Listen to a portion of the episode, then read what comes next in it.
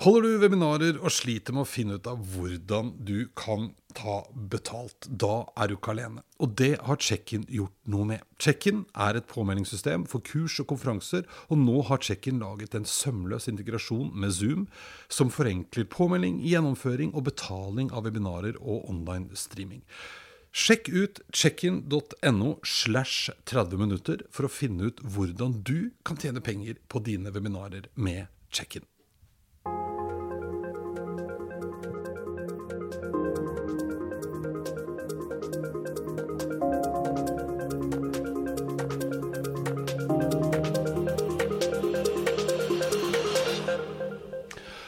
Dagens gjest er nordmann i USA og bor i LA. I 2016 starta han selskapet Hoilu, som i dag er på børs i Stockholm, men har hovedkontor i USA og et par andre steder i verden. Vi snakker om hvordan det er å drive et selskap i dag som er vant til å jobbe remote, og som består av mennesker som vil mye. Måten vi tenker på og måten vi skaper tjenester på krever mye av oss, og vi må hele tiden tenke på hvordan vi kan være best. Gjesten heter Stein Revelsby og er opprinnelig fra en gård i Østfold. Han har bakgrunn som siviløkonom på BI og jobbet mange år i corporate finance, veldig mye mot IT-verden. Han har jobbet internasjonalt i over 30 år og flytta til LA i 2006. Dette er 30 minutter inn i fremtida, og jeg er Eirik Normann Hansen. Da, velkommen eh, Stein. Takk for det. Veldig hyggelig å ha deg på besøk. Altså, nå er vi i en slags uh, hva heter det for noe? Eh, transatlantisk sending? Nei, opptak? Nei, heter det det? Ja. Jeg er i hvert fall, du er i hvert fall i LA. Ni timer fra hverandre. Ikke sant?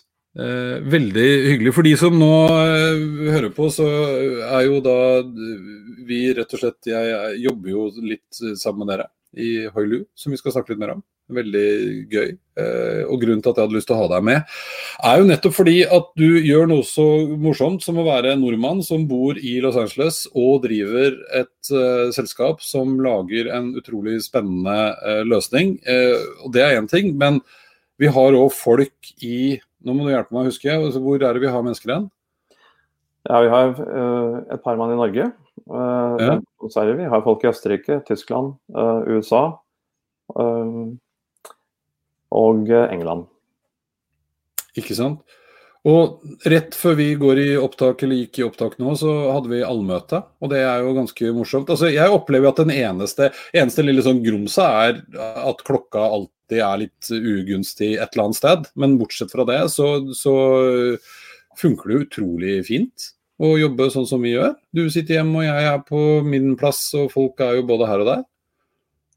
Det er kanskje den uh, største utfordringen med å være på vestkysten i USA. Det er uh, ni timer tidsforskjell, så du må planlegge møtene litt uh, tidlig om morgenen eller sent på kvelden. Men det fungerer jo bra, det.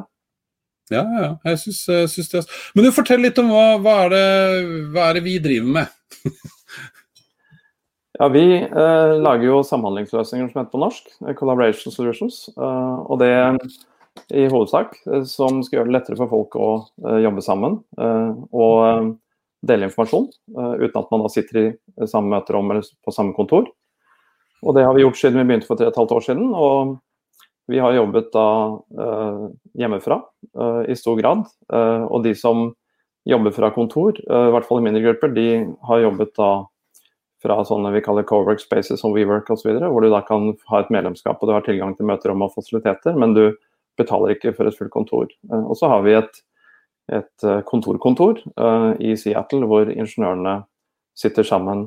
Uh, men nå i disse tider så sitter alle hjemme, og det fungerer faktisk vel så bra. Mm, mm.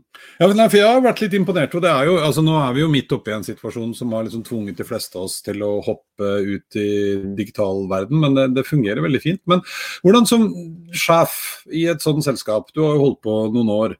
Eh, hva tenker du om den utviklingen? også hvordan er det å være leder nå? Må, vi, må du tenke annerledes eh, i forhold til det? Ja, det er, eh, det er, jo interessant at uh, nå sitter vi og snakker om uh, å jobbe hjemmefra og, og koble hverandre, altså koble opp uh, remote. Mm. 30 år etter at videokonferanseløsningen ble lansert, uh, f.eks. Tandberg da i 1991. Og, mm. og du ser da nye aktører komme hele tiden. Zoom, ikke sant? Whereby i Norge. Mm. Og så tar de en stor del av markedet mange mange, mange år etter. Du går inn på kontor til noen av de største bedriftene, så finner du fortsatt analoge tavler og Post-It-lapp på veggene. Og mm. hvorfor er det sånn? Hvorfor har ikke da folk begynt å ta i bruk uh, disse teknologiene som da kom mye tidligere? Og det handler i stor grad om brukeropplevelsen. Uh, stor grad om hvordan vi uh, som mennesker da setter krav til f.eks. enkelhet. Og det at du da hjemme sitter du med Nest og du sitter med Alexa, og du Spotify lager spillelister for deg som gjør det enkelt å å få det innholdet du vil ha. Mens går du på kontoret, som jeg sier, det er nesten vanskeligere å komme seg på kontoret med adgangskort osv. enn å logge seg inn i nettbanken nå for tiden, hvor du bare trykker med, altså finger, fingeravtrykk. Så uh, verden utvikler seg jo uh, veldig raskt, uh, og det handler veldig mye om å ha verktøy som gjør at du kan jobbe sammen effektivt som om du er på samme sted. Eh, og det er klart Når man leder en bedrift som eh, i, i vår bransje, IT-bransjen, så er også eh, store deler av verdiene, eller egentlig alle verdiene, de går jo på to ben. Så mm. hvis man ikke lykkes i å bygge et team, hvis man ikke lykkes i å få alt til å gå i samme retning, så blir det vanskelig. Og det, når du jobber globalt, så er det jo veldig mange hensyn å ta i forhold til Eh, det å vise gjensidig respekt. Eh, det er ulike religioner, ulike politiske syn. Det er jo veldig mange ting som er viktig i forhold til å få den, eh, det samholdet internt da, som, som, er viktig for at alle skal gå i samme retning. Mm, mm. Men eh, altså, du snakker om uh, kunnskapsbedrift, egentlig. Det er jo det vi er. Og, og den største uh, verdien vår går på to bein. Men eh, har det endra seg? Eh, altså, hva, hva, er det som er verdifullt nå, og hva, er, hva var verdifullt før? Og hvordan må du som leder liksom, tenke på det? Altså, det har alltid vært viktig.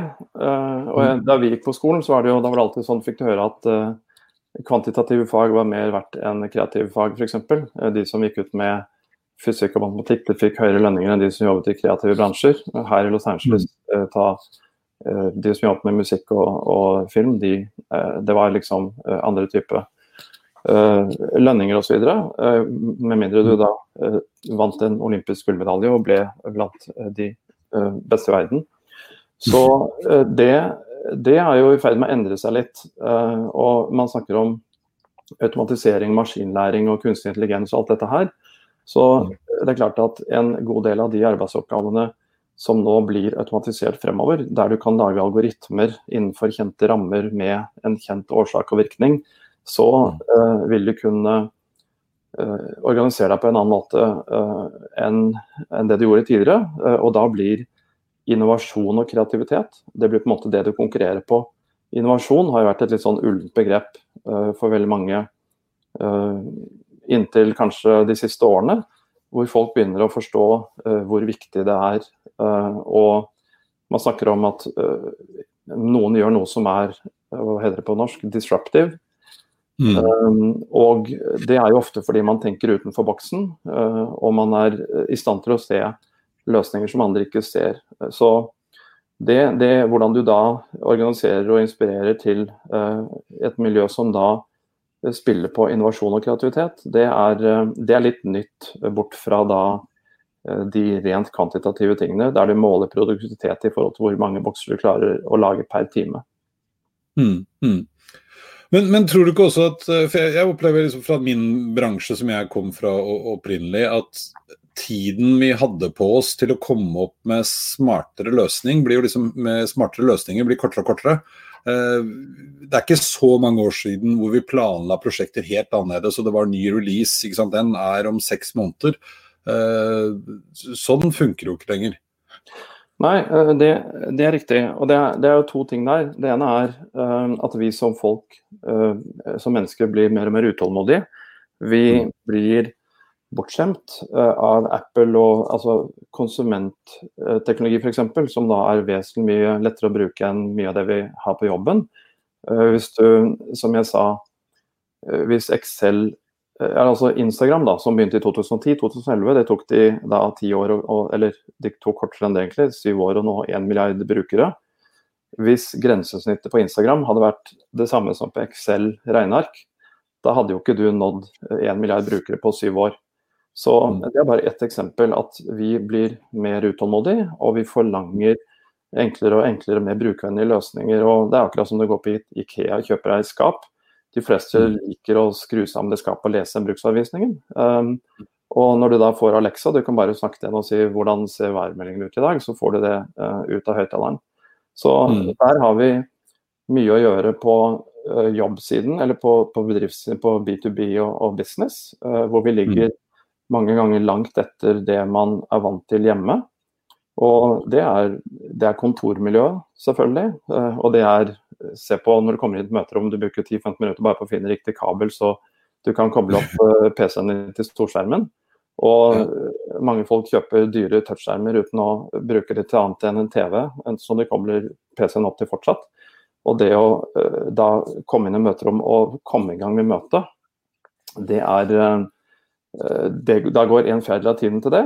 Og når du er ferdig mm. med møtet, da, så skal du da Eh, skal noen da ta et bilde av den tavla eller skrive ned som sto på den tavla, og så skal du lage et referat, og det skal sendes rundt på e-mail. Um, mm. Så Der ser vi jo verden endrer seg veldig fort. Og etter hvert som du ser da Zoom, som hadde en mye enklere brukeropplevelse, og så fikk de litt utfordring med, med sikkerhetsløsninger som de løser i løpet av eh, en måneds tid her nå, så det, det gikk bra. Men du ser at de da bygger en bedrift på Eh, syv-åtte år da, som, eh, som, ja, som tar en så stor markedsandel.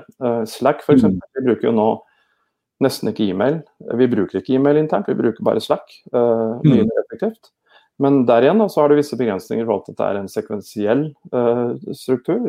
Jo lengre tid fra du legger inn informasjon, jo, jo vanskeligere blir det å finne. Så, uh, ja, så, det er veldig mange ting. Uh, men det er som du sier, det er, det er høyt tempo.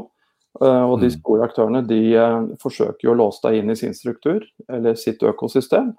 Og det er fordeler og ulemper. Det er fordeler, for da skaper det mulighet til å gjøre noe som er mer uavhengig av uh, hardware f.eks. Uh, og plattformer. Uh, men det er en fordel selvfølgelig fordi de har, Microsoft og Google og de store har jo en veldig stor kundegruppe allerede, og de kan spille på flere strenger ved at du f.eks. betaler et abonnement for uh, Office, så kan de gi deg en Teams-tjeneste gratis på mm. toppen av det. Da. Så, mm. så nei, det, er, det er mer dynamikk enn det noen gang har vært.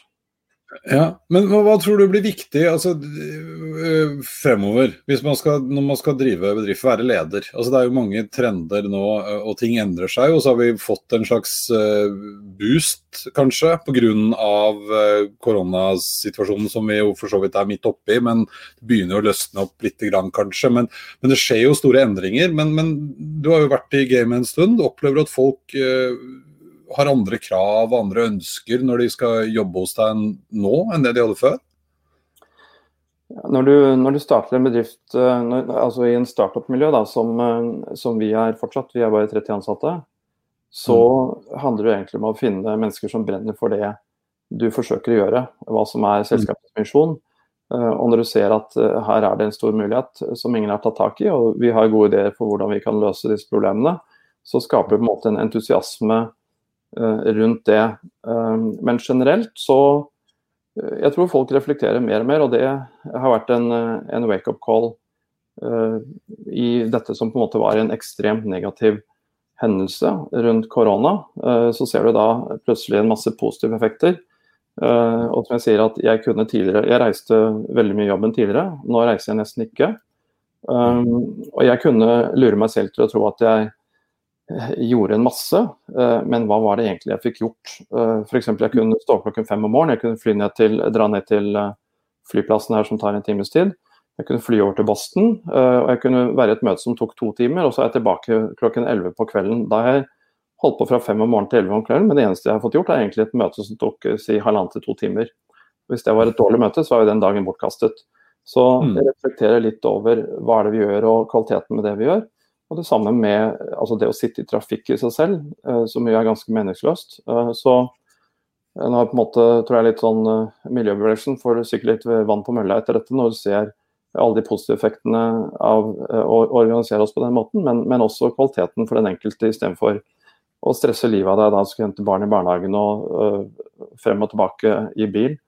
Uh, mm. Mens du da kunne tatt en halvtime løpetur eller brukt tiden på noe mer uh, fornuftig enn, enn, å sløse det bort i, i logistikk og trafikk. da. Ja. ja. for det er noe med det òg, tenker jeg, som du er inne på nå. At innbiller meg, eller jeg merker jo sjøl òg. Jeg også reiser jo masse i jobben min og har gjort det lenge. Men, men man oppdager nå hvor greit det egentlig går da, å, å kunne gjøre ting eh, remote isteden. Altså det å dra til Bergen eller Boston hvor det måtte være bare for å dra i ett møte i en eller to timer, er jo, virker jo litt meningsløst nå, når vi har prøvd dette her mange nok ganger. Sånn som du og jeg sitter nå, f.eks. Ja, så jeg tror jo uh, altså Det vil ikke være sånn at det automatisk uh, vi plutselig mister behovet for å uh, omgås sosialt. og det er klart det er veldig mange andre sider å, og fordele med det. Selv om du ser folk har Facebook-party og later som at de er i samme rom osv. Så, videre, så foreløpig er jo ikke teknologien der at uh, den opplevelsen blir det samme. Uh, så jeg tror vi fortsatt kommer til å ha behov for å reise, og spesielt når du etablerer relasjoner. at du Men du kommer ikke til å behøve å, å ha like mange møter fysisk. Du behøver ikke å, å stresse like mye som du gjorde tidligere. Uh, så, så, det kommer i hvert fall til å skje en, en gradvis endring. Mm, mm. Men, men, tror du ikke også at folk, altså våre ansatte i bedrifter rundt omkring i verden, og nettopp som du var inne på, det er jo kjedelig å sitte i kø. Og det er jo vondt å ikke få henta i barnehagen eller gjort de tingene vi har lyst til å gjøre innimellom. Eh, fordi vi ofte da må, må eh, løse andre ting da, eh, pga. jobben. Tror du, tror du ansatte i større grad kommer til å ville kreve enda mer fleksibilitet, eller forvente noe mer fleksibilitet? Ja, altså du, det var jo litt sånn, Da Google ble etablert, så gjorde jo de litt sånne banale ting. De tok eh, fargede sånne plastikkballer i resepsjonen, holdt jeg på å si. Men, mm. men, det var på en måte litt sånn eh, et eksempel av begynnelsen på å tenke mye mer på arbeidsmiljø. Eh, og det er jo mm. deler av det, på en måte. De, mm. Vi har Google på andre siden av gangen i det kontoret vi har, sitter oppe i Kirkland i Seattle. Og um, Se hvor mye de investerer i kjøkken f.eks. på kontoret. Uh, så en ting er mm. at man skal dra på kontor, men når du først drar til kontoret, uh, hvordan er det på en måte utstyrt for at du skal få en god opplevelse, og hvordan er det de tilrettelegger for sine ansatte. Så uh, nå er det jo ikke selvfølgelig bare det som har gjort at de har blitt en så stor suksess. Det begynner med på en måte at de har løst en del problemer på en god måte, men, men det er elementer av det som gjør at de er en attraktiv, attraktiv arbeidsplass og fortsetter å vokse på som de gjør. da. Mm. Ja, for Du var jo litt inne på det i stad. også En viktig ting med å, å, få til, eh, eller, ja, å få til å starte opp noe, skape noe, er jo å, å klare å eh, etablere den entusiasmen vi trenger. da, At folk kanskje er mindre opptatt av å ha en jobb for å ha en jobb for å tjene penger, men de ønsker å være med på noe som eh, er givende på andre måter også, og skaper engasjement og, og, eh, så videre. Ja, og det spesielt når du skal tiltrykke deg unge, eh, nyutdannede folk og, og, som har et uh, helt liv foran seg, hvor de er opptatt av å gjøre noe meningsfylt. Uh, mm. Men selvfølgelig, det gjelder jo for alle. Men uh, vi som er litt eldre, vi har jo på en måte gått gjennom alle disse fasene, og vi har jo vent oss til både den ene og andre modellen. Men vi merker at det er viktigere og viktigere når du, når du skal tiltrekke deg unge folk, da, som i hvert fall her borte hvor de har valget mellom å gå til en stor bedrift som som Facebook, Google eller, eller uh, Amazon, eller til en mm. startup-bedrift. Så da er det jo andre, andre strenger vi kan spille på for å, for å tiltrekke oss de uh, folkene. For vi kan jo ikke konkurrere med, med de nødvendigvis på lønninger eh, heller, uh, ikke sant. Så, mm. Men, men, tror du ikke ja, nei, for det, det opplever jeg her òg, at folk Det er en del ting som vi som nyutdanna eh, var veldig opptatt av, som ofte handlet om veldig sånn ordning med, med, penger, og at jeg fikk telefon og fikk en viss type datamaskin, altså en del sånne ting. Mens det tar man litt sånn for gitt nå. altså Det er andre greier jeg har lyst til å ha tilgang til også. Ikke eh, alltid nødvendigvis være så veldig knytta til eh, fulltidsansettelse, f.eks. Eh, det å ha mulighet til å kunne gjøre litt andre ting også. Opplever du det borte hos deg? Ja, og det ser du også nå. Eh, du ser det med LinkedIn og Freeware, og du har masse, masse tjenester som er etablert nærmest for frilansere. Hvor du kan egentlig bare legge inn uh, data om deg selv i forhold til ekspertise og kunnskapsnivå og erfaring. Uh, og så vil folk engasjere deg på, på teambasis f.eks. Um, så du får på en måte mye mer dynamisk arbeidskraft. Uh, også på en måte i forhold til da kan disse menneskene levere de tjenestene fra der de bor eller der de, der de er, uh, uten å nødvendigvis måtte flytte. Um, men, men uh, ja, nei, så det, det er helt uh, riktig. Mm. Hva tror du, hvis vi skal liksom rette blikket litt fremover, da. Altså, hvordan uh, ser vi for oss at uh, arbeidslivet blir nå, etter at vi begynner å komme ut igjen fra hjemmekontorer og, og sånn? Vil vi tilbake igjen i store kontorlandskaper, eller skal vi jobbe annerledes, tror du? Altså, jeg, jeg hører jo flere og flere folk som kommenterer på det. Bedriftsledere som sier at nei, dette har fått de til å åpne øynene. Nå har de sett at mm. det fungerer faktisk.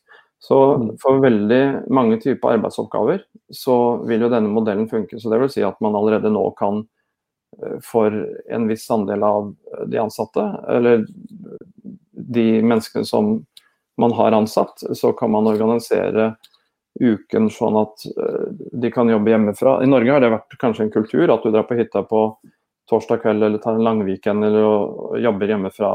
fordi Norge er også veldig langt kommet når det gjelder nettverk og teknologiinfrastruktur. Men, men, mm. Eh, men, generelt også. Og bedriftsledere som da eh, ikke bare ser på uh, kostnadssiden av ting, for det er jo også et element her. Hvis du, hvis du da har et vanlig kontor med 25 kvadratmeter per ansatt, og så betaler en husleie som er si 2000-3000 kroner per kvadratmeter, Eh, mm. Hvis du har 500 ansatte, så ser du at du kan spare altså personalkostnadene eh, for en IT-bedrift som er 78% og så 10% av det er kontor, så ser du plutselig at du mm. kan spare si 50-60 millioner kroner uh, hvert år uh, ved å halvere uh, så det er én side av det. Men det andre er jo på en måte at de ansatte da får mer kvalitetstid og mer tid til å bruke på det som er viktig og grunnen til at de er på jobben, eh, og ikke da sløse bort en masse tid eh, frem og tilbake. Mm.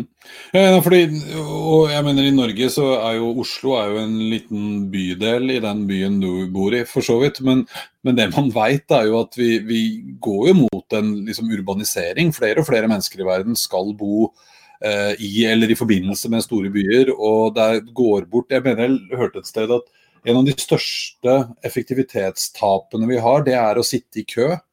Eh, for vi, det er mye kø. ja, det kan jeg skrive under på her i, i, Los Angeles. Nå er det jo ja. ja. og dette er jo, nå er det jo Både hvis vi snakker demografi og, og, økonomi, så er jo dette på en måte mye mer enn en by. For det er jo elleve byer eller hva det er eh, totalt sett, så, hvor det er jo ekstrem forskjell uh, fra mellom ytterpunktene. Men men, eh, og det er jo En annen ting er jo at her har du en, en sammenblanding av folk fra hele verden med mm. veldig ulike bakgrunner og kulturer. Så, så um, men, men, det er jo generelt at du, hvis ikke du må reise fysisk til et sted Et annet eksempel. Vi har, vi har en kunde som bruker våre produkter i å, altså fjernundervisning fra et universitet i Boston, hvor de har studenter i Kina. Og da ja. uh, slipper jo studentene å trøble med visum, f.eks. De slipper å betale dyre tuition fees til universitetet. De er på den skolen de er i Kina og deltar i med de lærerne her uh, til de samme fagene og får diplom som den har gått på universitetet. Og det ikke bare sparer masse penger, men det er også ja, Da er jo en diskusjon, det er på en måte en helt annen diskusjon da, hvor hvorvidt verden går i riktig eller gal retning i forhold til det med barrierer. For nå de siste ukene har vi sett at, eh, at barrierene har kanskje blitt høyere uh, i forhold til det å få visum og green card osv. Og, uh, og det å etablere seg i et annet land. Så, mm. så, um, og da er det på en måte det samme argumentet, da, men, men, i forhold til at da er det jo mulig å jobbe sammen, selv om man da ikke fikk visum f.eks.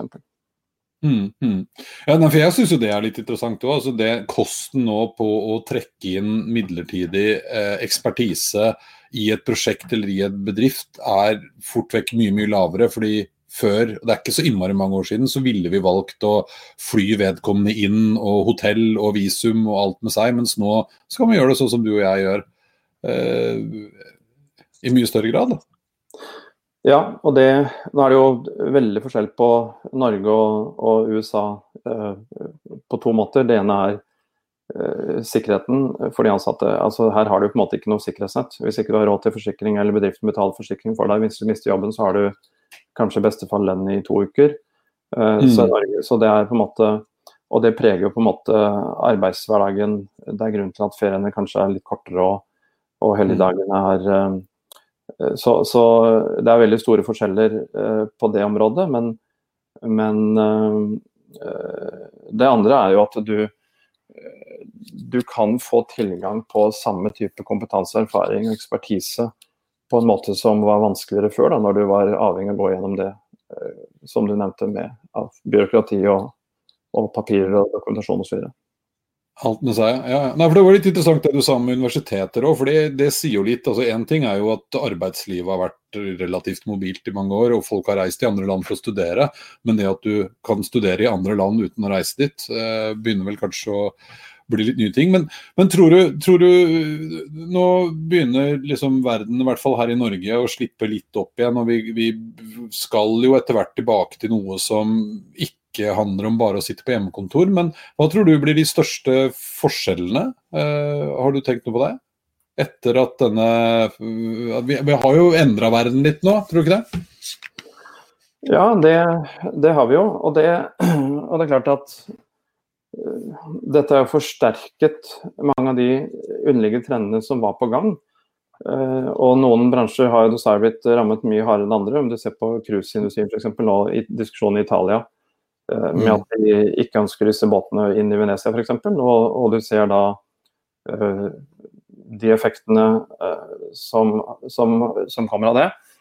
så mm. noen bransjer vil nok oppleve dette veldig forskjellig fra andre bransjer. Eh, mens, mm. Eh, mens eh, dette med leveranse hjem, som jo ja, det har kommet nå de siste årene, men det at du da sitter hjemme og bestiller alt det du trenger på Amazon, og det kommer en fyr og leverer det på døren, så convenience betyr at vi slipper å sitte i den køen og hente disse varene og gå i den butikken. Så kombinert med teknologi som gjør at kjøpsopplevelsen blir mer eller mindre da lik som om du hadde gått i den butikken, så, så, det er klart, hvis du tar ytterpunkter, da, som er Amazon på, som et eksempel på en bedrift som da har, uh, har, vunnet enormt på denne utviklingen, mens, mens kanskje reiselivsbransjen og, og cruiseindustrien og andre som har vært i andre enden av den uh, skalaen på kort sikt, så, så, så, det er nok selvfølgelig på kort sikt de, de tydeligste effektene, men, men det vil nok også gjenspeile seg i en trend fremover. Ja, ja. Ja, for Hvis vi skal løfte blikket enda lenger, da. Altså, nå har vi fått uh, en litt sånn digital uh, boost, mener mange. Vi har blitt uh, ting som vi syntes var vanskelig bare for noen måneder siden, som du var inne på. Alle vi har jo opplevd å eh, skulle ha videomøte, eller ha med noen i videomøte, og det virka jo aldri. Fordi at eh, Truls hadde ikke oppdatert maskinen sin, og Kari hadde aldri prøvd det videogreiene før, og mikrofonen virka ikke, og vi brukte jo en halvtime bare på å komme i gang med møtet. Det har vi liksom vent oss til nå. Eh, men hvis vi skulle løfte blikket enda lenger eh, fremover, hvis vi skulle se liksom sånn 2030, pleier jeg å spørre om. Hva tror eh, Stein om verden i 2030? Ja, eh, si det. Eh, det er, eh, det er klart at Og når man driver en, en, business sånn som vi gjør, så er det jo en fare at man hele tiden løper foran seg selv. Eller man er for tidlig ute med ting. Så man er ikke i synk med det markedet man betjener. Som jeg sier, det er en, et lysår hvis man kommer inn til store bedrifter i USA og ser sånn som nå, da du ser disse tavlene med papirlapper på veggene, eh, mm. så er det fortsatt, henger de langt etter eh, det man skulle tro de burde gjøre. Så, så, det er viktig at man ikke da blir for visjonær i dag-til-dag-business. Samtidig mm. så ser man jo konturene av, som jeg var litt inne på, dette med automatisering. Og, og der tror jeg møteromsopplevelsen, f.eks. hvor du ser stadig større og større skjermer, interaktive skjermer. Kanskje kan jeg bruke mobilen til å identifisere meg selv, sånn at det innholdet som kommer opp på skjermen når jeg kommer inn i det møterommet, det passer til min ID. Mm. Det at jeg da har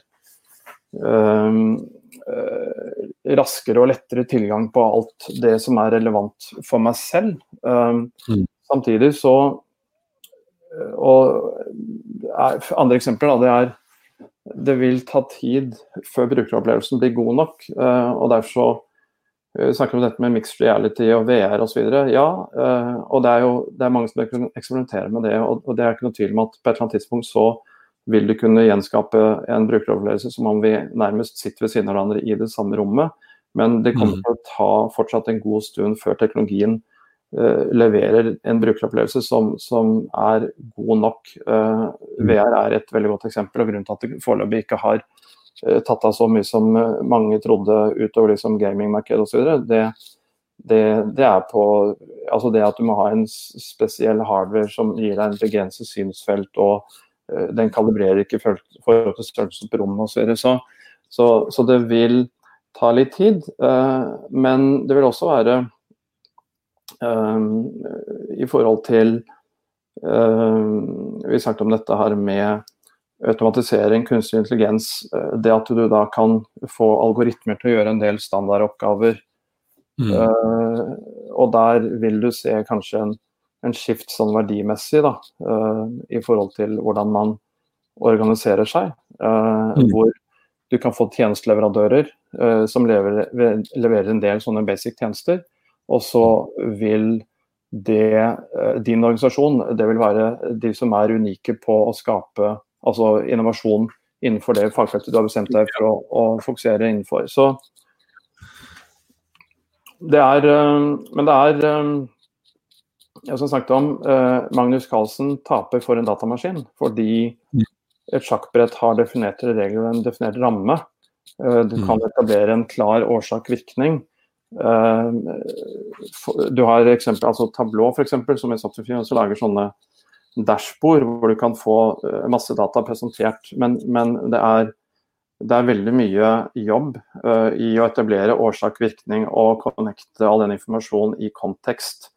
Mm. Så, så, det blir på en måte litt å lure seg selv til å, til å tro at det kommer til å løse alle problemer for det, det, gjør det jo ikke. Så eh, på den ene siden så tar ting ofte mye lengre tid enn man tror før det eh, sprer seg eh, til massene. Men på den mm. andre siden så har vi jo allerede nå sett altså korona som et eksempel, da, hvor det var en hendelse som trigget utviklingen som gjør at visse ting kanskje går fortere enn det man trodde før. Mm, mm.